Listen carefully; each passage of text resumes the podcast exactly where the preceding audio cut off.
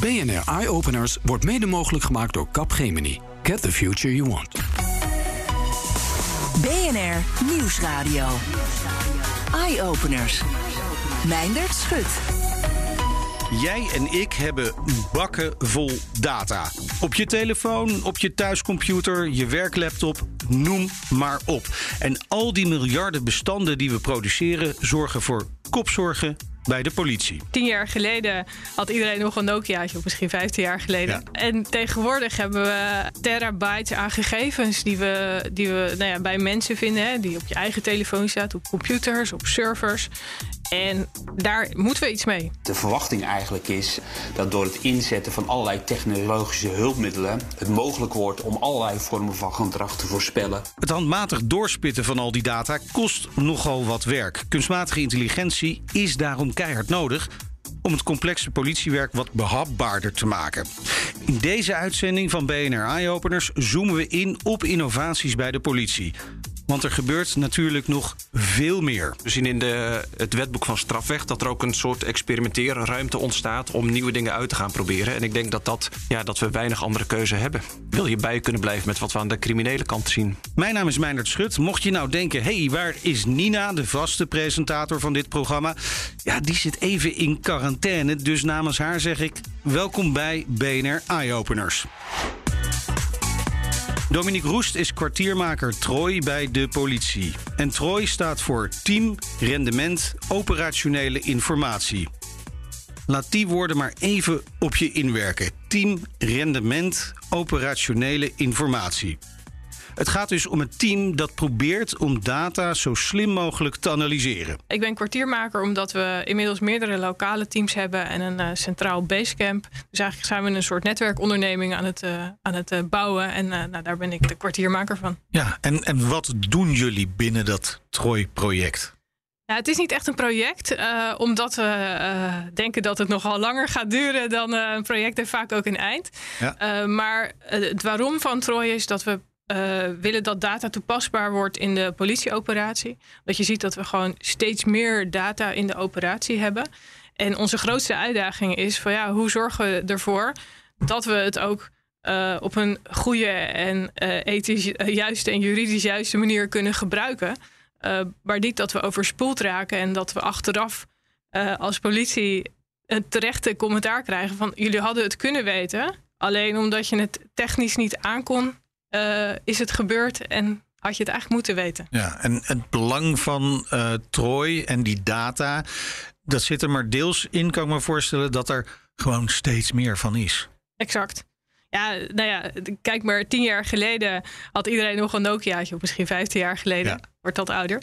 Eh, en tegenwoordig hebben we eh, nou ja, eh, terabytes aan gegevens die we, die we nou ja, bij mensen vinden. Hè, die op je eigen telefoon staat, op computers, op servers. En daar moeten we iets mee. En eigenlijk is, is data een, een weergave van, van menselijk gedrag. En dan is wel de vraag van hoe ga je, ga je dan ook de juiste dingen vinden? Zowel ontlastend als belastend. Ja, even, even naar de situatie hoe het vroeger was. Hè. Dan ging de politie, had allerlei informatie, ordners bijvoorbeeld, bij Ja. mensen thuis gehaald. Misschien nog in de vroege computertijd ook nog wel computers. Die konden ze nog wel doorspitten. Stond niet zo heel veel op. Exact. Maar nu staat er zoveel informatie. De smartphones, de computers thuis. eh, informatie eh, van camera's eh, op straat bijvoorbeeld. Noem maar op. Exact. Overal wordt data verzameld. Ja. En als je daar geen technologie voor hebt. Is het dan überhaupt nog mogelijk voor de politie om het te behappen? Nee, ja, alles met de hand bekijken gaat gewoon niet meer. Dus je moet echt, na, echt gaan nadenken. Kijk, vroeger, hè, vroeger als in bijvoorbeeld, eh, nou, zeg een jaar of vijf geleden, eh, zaten we door heel veel afbeeldingen heen te scrollen.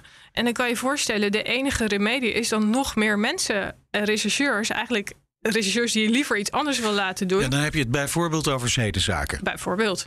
Ja, dus dan, eh, ja, dus je bent eigenlijk op zoek naar, daar, daar, die speelt in de Hooiberg. Neem als voorbeeld, eh, we hebben een kookwasserij opgerold. Dus we hebben, en we hebben allemaal een aantal verdachten zijn we tegengekomen. Nou, die hebben tele- allemaal telefoons bij zich, meestal meer dan één. Nou, die hebben we eh, in beslag genomen, op correcte wijze. Ja, en dan is de vraag, waar hebben ze dat geld in gestopt? Ja. Want het levert iets op, anders ga je het niet doen. Nou, hoe ga je nou zoeken naar gegeven of naar financiële componenten in die hoeveelheid data? Nou, dan kan je natuurlijk met de hand door al die telefoons heen gaan scrollen. Dan ben je heel lang bezig. Maar je kan ook denken van nou, hoe ziet een bitcoin-adres eruit? Komt dat voor in deze telefoon? En nou, dan ga ik er naar zoeken. Of, hey, hebben ze dure auto's? Nou, misschien wel kan ik uh, afbeeldingen heb ik een model getraind die automatisch uh, auto's herkent. Ja, dat zou natuurlijk nog altijd rovend zijn, inderdaad. Het trainen van dit soort modellen is dus iets waar de politie volop inzet. En dat is keihard nodig, vindt ook Mark Schuilenburg, professor digitale surveillance bij de Erasmus Universiteit. Volgens hem kunnen we op basis van alle data ook steeds beter ons gedrag voorspellen. En dat is natuurlijk handig voor de politie. Kijk maar in je eigen leven, van je telefoon naar je koelkast, naar je televisie. Uh, eigenlijk. En daarnaast natuurlijk internet, social media.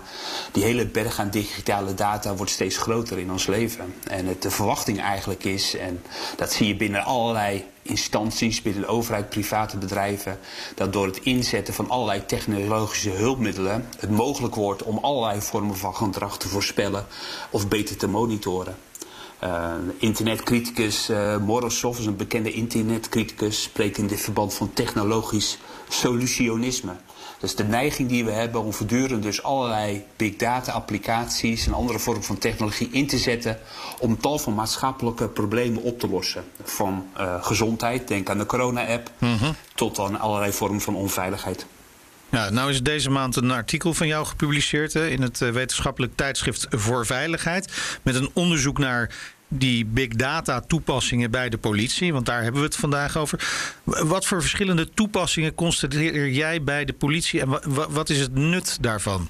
Heel vaak wordt, wordt, eigenlijk bij de politie, en als we dan spreken over big data en technologie, eigenlijk altijd gesproken over predictive policing. Dus het voorspellen waar criminaliteit gaat plaatsvinden. Ja. En uit eh, ons onderzoek blijkt eigenlijk dat die functie, en natuurlijk wel degelijk is, hè, ook bij de Nederlandse politie, maar dat eigenlijk andere functies voor andere toepassingen van big data veel gebruikelijker zijn. Dat predictive policing, het voorspellen van criminaliteit, komt eigenlijk nog het minste voor. Met big data kan je namelijk ook terugkijken. Dus het kan ook retrospectief werken. Dus het hoeft niet alleen maar voorspellend te werken. En het kan ook in real-time plaatsvinden. En wij hebben onderzocht uh, op welke niveaus, dus eigenlijk die voorspellingen, of dat terugkijken of in real-time kijken met big data plaatsvindt. En dan zie je het eigenlijk op drie niveaus binnen de politie, dit soort big data toepassingen, dat die worden toegepast.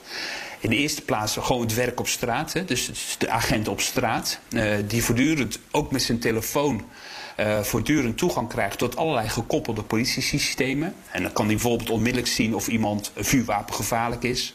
Of dat er een bepaalde vergunningsmodule moet worden aangevraagd. Dus het werk op straat. Het tweede niveau is binnen de opsporing en recherche. Daar zie je veel meer tools komen, uh, zoals text mining, topic extraction, e-discovery, deep learning. Allemaal ingewikkelde tools om heel die berg aan data, die zij natuurlijk vaak ook in beslag nemen. Denk aan computers en telefoons van criminelen die in beslag worden genomen om die berg aan data te kunnen ontsluiten. En in de derde plaats, en dus het derde niveau binnen de politie, en dat is een tak van sport die intelligence wordt genoemd, zie je dat daar ook allerlei producten worden ontwikkeld om zowel die opsporing als de handhaving als de hulpverlening te kunnen ondersteunen met allerlei intelligence tools. Terug naar Dominique van de politie, die ons uitlegt hoe ze nou kunstmatige intelligentie concreet inzetten in die enorme berg data. Wat je ziet is, nou, we hebben die hele grote hoeveelheid data. Dat zit in tekst. Het is, het is vaak ongestructureerd, wat het, wat het nog ingewikkelder maakt. Dus tekst, video, afbeeldingen. En uh, we hebben een, een, een vraag, want we willen een zaak oplossen. Nou, dat deden we altijd met, met de hand. Dus de vraag is van wat doet een rechercheur? Waar zoekt hij naar? En kunnen we dat automatiseren? Nou, dat kan je natuurlijk met hele slimme modellen doen. En met bijvoorbeeld AI als voorbeeld. Um, nou, we hebben de hele grote EncroChat-zaak gehad. Hadden we miljoenen berichten. En de vraag was, kunnen wij uh, dreigingen op het leven herkennen? in die hoeveelheid data. Want we moeten daar iets mee als politie. Je kan wel zeggen, ja, ik neem alles in beslag. Maar ik heb even geen tijd om er naar te kijken. En uh, er is een liquidatie geweest waar je dat terug had kunnen zien. Dat wil je ten alle tijden voorkomen. Dus we hebben een model getraind. Die eigenlijk, die hebben we geleerd om zo'n dreiging op het leven te herkennen. En wat hebben we gedaan? Rechercheurs eigenlijk gevraagd om uh, berichten te labelen. Van nou, dit is het wel, dit is niet. En steeds het model verfijnen. Zodat je in ieder geval een eerste uh, netje op kan halen waarin je de relevante berichten naar voren haalt. Met de context daaromheen. Ja, en hoe ver gaat dat? Hè? Want ik, je, je hebt het net over dat labelen door, door rechercheurs. die, die zitten in de haarvaten van, van de samenleving, ook van de criminele samenleving. Dus die herkennen bijvoorbeeld ook taal die criminelen gebruiken, die voor, voor ons, als het goed is, uh, niet te begrijpen is. Uh, hoe gaat zo'n uh, artificial intelligence dat soort taal begrijpen en blijven begrijpen? Want die criminelen zijn ook niet gek, die veranderen dat weer. En daarom zou je dus continu moeten blijven doortrainen. Ja.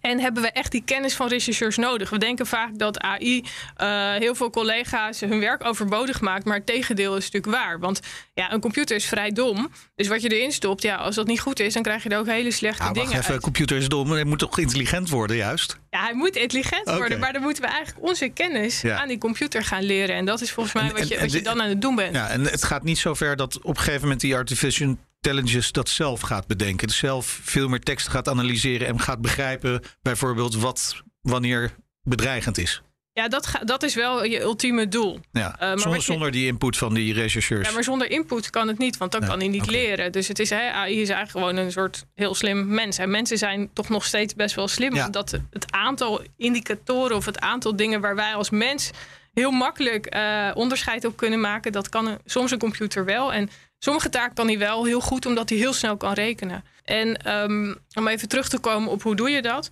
Kijk, er zijn al heel veel modellen al gepre-trained. En daarom hebben we ook bijvoorbeeld een, een, een AI-lab. Dus een, een, een lab waarin uh, PhD-studenten zitten die wetenschappelijk onderzoek doen. En uh, heel veel van die modellen zijn getraind op best wel nette data. Dus als voorbeeld, hè, taalmodellen zijn vaak getraind op Wikipedia. Ja. Precies wat je net zegt. Ja, op uh, cri hoe criminelen met elkaar communiceren, dan doet hij het niet zo nee. goed, want dan weet hij niet wat er staat. Dus daarom moet je het dus op een politie-specifieke context continu trainen. En dat maakt het ook waarom we dus een politielab AI hebben omdat we merkten, ja, wetenschappelijk gebeurt er superveel. Het gaat heel hard. Hele uh, technieken die heel, heel mooi toepasbaar zouden kunnen zijn in onze context. Alleen omdat onze data zo verschillend is, hebben, moeten we daar echt zelf op trainen. Want anders krijg je gewoon niet de goede ja, uitkomsten. Dus zelf trainen belangrijk, maar die samenwerking met partijen als universiteiten dus wel heel erg belangrijk. Want uiteindelijk zit die kennis misschien ook te weinig bij de politie zelf. Zeker, en daarom hebben we dus zo'n lab. Omdat je eigenlijk, je wil die echte innovatie hebben. Want dat is echt R&D wat zij doen. Die gaan onderzoeken doen die nog nooit gedaan zijn. Ja, en dan moeten we het nog naar de politiecontext krijgen. En dat is waar we dus met Troy heel erg mee bezig zijn. Om die nieuwe technieken, nou, die moet je eerst heel goed testen, uitkristalliseren. En vervolgens, dan kunnen we het pas toepasbaar maken voor de operatie. En daar zit vaak nog een heel groot stuk tussen. Dominique slaat de spijker op zijn kop. Er zijn heel veel technische mogelijkheden die het politiewerk makkelijker kunnen maken. Maar die innovaties moeten vervolgens wel op maat gemaakt worden voordat de politie er echt mee uit de voeten kan. Leuk dat een computer bijvoorbeeld alle afbeeldingen van auto's kan filteren. Maar zou het niet nog handiger zijn als die alleen de dure auto's eruit vist? Nou, met trainen van systemen kan een computer dat ook daadwerkelijk leren. Er wordt nog veel meer geïnnoveerd bij de politie. Zo worden steeds meer verschillende surveillancesystemen aan elkaar gekoppeld. Het resultaat daarvan zag je bijvoorbeeld direct na de aanslag op Peter R. de Vries, zegt hoogleraar Mark Schuilenburg. Daar werden allerlei verbanden gelegd tussen camerabeelden in die straat uh, en daarna waar het gebeurde. Uh, maar daarna ook op snelwegen, waar natuurlijk ook camera's uh, hangen. Om te kijken in welke auto's die personen stapten, waar de auto's heen gingen. Zodat ze uiteindelijk op die snelweg in een relatief hele korte tijd konden worden aangehouden. Nou, bijna Daar real-time. inderdaad een koppeling van systemen in real-time. Dat is het voorbeeld van real-time plaatsvinden. Hoe met bepaalde data, koppeling van systemen, van camera's uh, tot andere systemen, eigenlijk heel snel die daders in de kraag werden gegrepen. De politie kan, wanneer zij dus inderdaad op die drie niveaus die big data en die technologie inzet, ook veel meer acteren als, als één lichaam. En dat is iets wat je niet moet onderschatten. Uh, de politie bestaat natuurlijk uit diverse uh, eenheden. We hebben net gehad over werk op straat, uh, recherche, opsporing, intelligence. Ja, 65.000 mensen werken daar ongeveer. Precies, precies 65.000, waar ongeveer 48.000 echt, echt, in de, uh, nou ja, zeg maar echt in de praktijk, dus niet ondersteunend, maar echt in de opsporing zitten. Ja, en daar zie je natuurlijk dat gegevens die worden, bijvoorbeeld worden vastgelegd tijdens de verkeerscontrole, als ze in het systeem zijn ingevoerd, hm. onmiddellijk dus ook ter beschikking kunnen komen van opsporing. Dat zag je bijvoorbeeld in de zaak van Peter de Vries. Dus er treedt iets op dat een politie met al zijn verschillende diensten kan acteren als één lichaam. En dat is echt een, een voordeel wat denk ik steeds sterker gaat worden in de komende tijd. Een tweede voordeel is, is dat er wat wordt genoemd een versneld leren optreedt. En is dat de politieapparaat sneller kan leren door de verwerking van grotere datavolumes die via algoritmen dus worden uh, ontsloten. Uh, en dat snelle leren kan dus, wanneer ze bepaalde trends zien, uh, dan kunnen ze snelle risicovoorspellingen maken. En ze kunnen dan natuurlijk ook de capaciteit van de politie beter inzetten. Als zij bijvoorbeeld zien dat op bepaalde plekken de kans op woningeninbraken groter wordt, kan ze natuurlijk daarmee die capaciteit van de politie meer toedelen naar die gebieden, waardoor de kans wellicht groter is dat uh, die inbrekers in de kraag worden ja. gegrepen. Ja, je noemt dus allemaal positieve kanten uh, ervan. Maar dan toch nog even de, de potentieel negatieve kanten. Hè. We kennen allemaal de verhalen over algoritmes waar gewoon fouten in de basis in zitten. Uh, bestaat er de kans niet dat, dat ook de politie te veel gaat vertrouwen op deze technologie waar mogelijk ingebakken fouten in zitten? Nee, dat klopt. En dat is een bekend, uh, dus het hele uh, negatieve effect van bias en ook het negatieve effect van self-fulfilling prophecies. Uh, je moet daarbij wel goed voor ogen houden over welke vorm van applicatie het we dan hebben. Dus als we het bijvoorbeeld hebben over predictive policing, dus het mm -hmm. voorspellen van criminaliteit aan de hand van enorme hoeveelheden data, is dit inderdaad een van de negatieve effecten die vaak wordt genoemd. Daarbij moet je wel voor ogen houden dat er twee vormen zijn van predictive policing, dus het voorspellen. Uh, je kan voorspellen op gebieden. Dat is wat de Nederlandse politie nu doet. Maar waarschijnlijk in de toekomst gaan ze natuurlijk ook proberen te voorspellen wie, dus niet de plaats, maar de persoon die criminaliteit gaat plegen. En dan zie je inderdaad tal van mogelijke rechtsstatelijke, uh, ethische effecten optreden, uh, ja, waar er inderdaad voor moet worden gewaarschuwd. Bij die nou, plaatsen zit inderdaad in, en dat merk jij terecht op, dat er allerlei biases, vooroordelen in de algoritme of in de data kunnen zitten. Waardoor bijvoorbeeld de politie voortdurend naar dezelfde gebieden gaat. Ja. He, als de politie veel surveilleert in de Bijlmer, veel aangiftes daar ontvangt, veel procesverbalen opmaakt is de kans groot, althans in theorie, dat ze eigenlijk op diezelfde gebieden blijft richten omdat daar de meeste data vandaan komen. Maar als je dus kijkt naar die tweede vorm, die eigenlijk nog interessanter uh, naar het voorspellen van wie het gaat doen, dan zie je ook hele andere uh, negatieve effecten, mogelijke negatieve effecten optreden. Want als je gaat voorspellen wie criminaliteit gaat plegen in de komende tijd, dan zie je dus dat het niet zozeer meer gaat om concrete handelingen, maar veel meer eigenlijk om een soort criminaliseren van de geest, van de gedachten van een persoon. Kunnen uit bepaalde uh, handelingen worden afgeleid dat die persoon bijvoorbeeld over een half jaar een aanslag gaat plegen op een persoon of op de Tweede Kamer.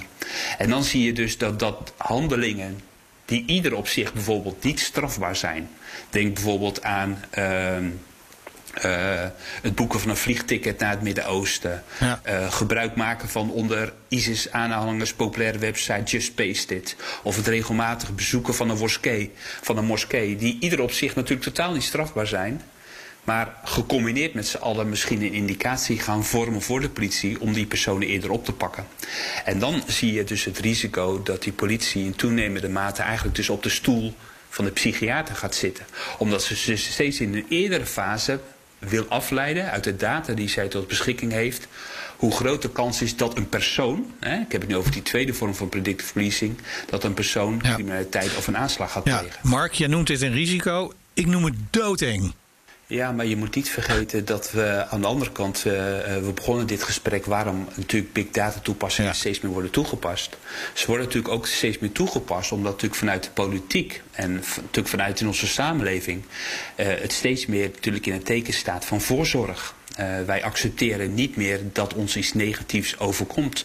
En juist vanuit het voorzorgsdenken, dus in steeds snellere en eerdere mate eh, proberen in te grijpen, eh, is dit een logisch uitvloeisel, zonder dat ik het daarmee eh, wil goed praten. Ja. Het past dus, dat wil ik zeggen, eigenlijk natuurlijk ook in een tijdsgeest Er kleven dus zeker risico's aan het gebruik van algoritmes in het politiewerk. Tegelijkertijd is het gebruik van dit soort innovaties keihard nodig om de groeiende zware criminaliteit te kunnen bestrijden. En dat zegt ook Sven Hamelink. Hij is hoofd Science and Technology van de staf korpsleiding bij de politie. Ja, ik denk dat het superbelangrijk is voor de politie en voor alle veiligheidsorganisaties om uh, in te kunnen spelen op technologische ontwikkelingen. He, enerzijds zie je dat technologie uh, impact heeft op de maatschappij. Um, maar ook criminelen en terroristen zien we steeds meer gebruik maken van die technologie. Dus daar moeten we op kunnen anticiperen. Dat is echt een race tegen uh, die partijen. Anderzijds zien we dat technologie ook gewoon kansen biedt om het werk te verbeteren en de organisatie te verbeteren door werk te versnellen, te vergemakkelijken. Um, ja, dat vraagt dat we continu aandacht hebben voor het onderhouden, het verkennen, het vernieuwen van die systemen. Um, en daar actief mee bezig zijn. En dat doen verschillende onderdelen, waaronder uh, onze afdeling. Volgens Sven wordt er volop geïnnoveerd bij de politie. Niet alleen nationaal, maar ook in Europees verband. Lastig is wel dat de politie zich daarbij wel moet houden aan alle regels. In tegenstelling tot de criminelen.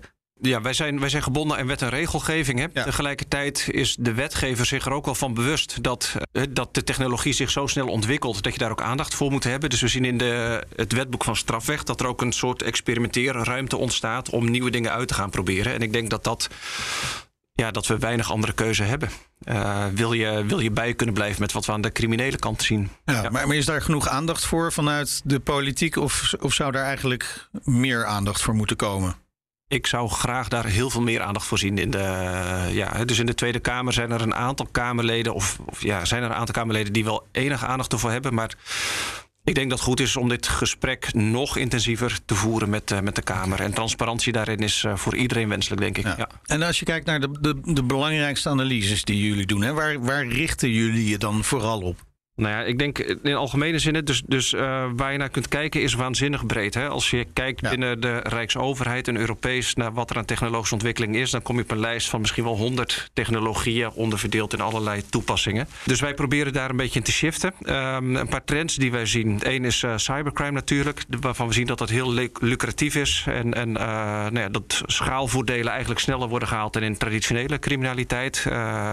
dat, dat de rendementen veel hoger zijn, de pakkans relatief relatief laag, uh, toch? Uh, social media, we zien daar de kansen aan onze kant. Maar we zien ook wel dat uh, het nieuwe vraagstukken oproept. Hè? Dus het doxing, het, het thuis benaderen van, van collega's of van politici. Project mm -hmm. X-achtige toestanden. Het filmen van ongelukken, wat, wat nu hè, dat online wordt ja. gezet. Dus dat dat brengt nieuwe vraagstukken met zich mee. Het geeft dus een hele nieuwe informatiestroom. Maar je ziet ook dat daar uh, meer gevaren weer in schuilen. Nou ja, het is goed denk ik om aandacht te hebben voor de kansen en de dreigingen van ja. al die ontwikkelingen. En, en daar moet je denk ik vooraf over nadenken, anders overkomt het je. En uh, kijk, die, die technologie ontwikkelt zich wel. Dus de vraag is als organisatie en als overheid, hoe verhoud je je tot die samenleving? Ja. Um, dus je ziet dat in de samenleving het bezit van data een, een, een nieuwe inrichting van de samenleving meebrengt. Nou, dat vraagt een herbezinning op je positie als overheid. En dus ja. ook op politie, voor politie. En, en er wordt ook echt wel geïnnoveerd hè, bij de politie. Jullie zijn ja. met een aantal zaken bezig. Wat voor projecten zijn dat? Er zijn een paar mooie voorbeelden, denk ik. Eentje uh, uh, recent, waar wij ook aan hebben meegewerkt en die een Europese prijs heeft gewonnen. Uh, de Europol Excellence Award in Innovation was een avatar die we in Fortnite hebben gezet. waarmee kinderen in deze coronatijd ook contact konden zoeken met de overheid als er sprake was van misbruik thuis. Oké. Okay. Um, dus dat is eentje die. Maar eigenlijk een soort politiebureau in uh, Fortnite. Zo zou je het ongeveer kunnen zeggen. Ja, een laagdrempelige manier ja. van contact met ja. een doelgroep die, die kwetsbaar uh, bleek in die periode. En dat heeft tot, uh, nou, toch tot een aantal zaken geleid. helaas ook. Maar hmm. nou ja, gelukkig dan voor die kinderen. Um, Precies. Dat ze in ieder geval naar boven komen. Ja, die zaken. ja. ja. Dat is één. Uh, een andere, denk ik, is uh, een grote operatie op het gebied van malware. Die heeft ook een Europese uh, prijs gewonnen. Hebben we samen gedaan met een aantal andere landen ook. Hè, dat was een hele grote malware gericht op banken, op de gezondheidszorg, op overheden. dat heeft de krant ook wel gehaald. En door de inzet van onze gespecialiseerde teams, high-tech crime bijvoorbeeld, hebben we ook gewoon de command and control service in beslag kunnen nemen. Er zijn instappen gedaan, zijn de distributieservice platgelegd de informatie is gedeeld. En uh, nou ja, dus dat was een operatie met meer dan 50 landen. Nou ja, om dat te kunnen doen, ja. moet je dus eerst wel die kennis opbouwen en de goede mensen binnen kunnen halen.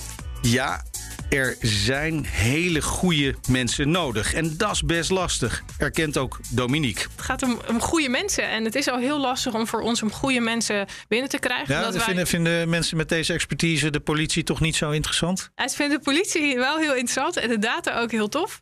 Uh, maar het, ja, het vraagt wel even wat om bij ons binnen te komen. We hebben natuurlijk gewoon een screening en, het, en, uh, nou, en de goede functies. En, um, en we als politie, ja, we hebben zo'n. We zijn natuurlijk zo'n grote organisatie dat we uh, nog best wel hopelijk wat meer gaan investeren in, in, in dit stuk. Is, is het ook niet deels een beetje misschien hè, deels een ouderwetse organisatie die botst dan met deze nieuwerwetse ja. onderdelen?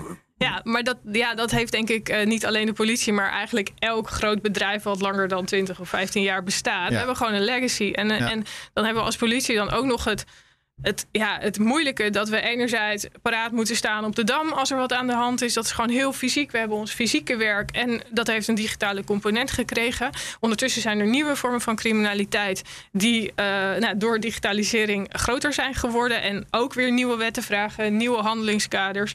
En ondertussen moeten we ook nog de organisatie veranderen, want die uh, top-down structuur past niet meer bij wat een uh, mooi zelfsturend team in verschillende eenheden wat, wat samen wil werken nodig heeft. Wel heel dynamisch dus. Ja, het is fantastisch. Ja. maar wel leuk. flink. Kom bij de politie. Ja, nou, ja. nou ja, als je, als je van de uitdaging houdt, dan, ben je, dan kun je me altijd bellen. Want ja. er is gewoon heel veel te doen. Staat genoteerd. Voor Dominique's contactgegevens mag je ons mailen. Dit was hem voor deze week. Volgende week praten we over water. Want water zou ons wel eens van het gas kunnen afhelpen. Hoe? Luister volgende week. Tot dan. BNR Eye Openers wordt mede mogelijk gemaakt door Capgemini. Get the future you want.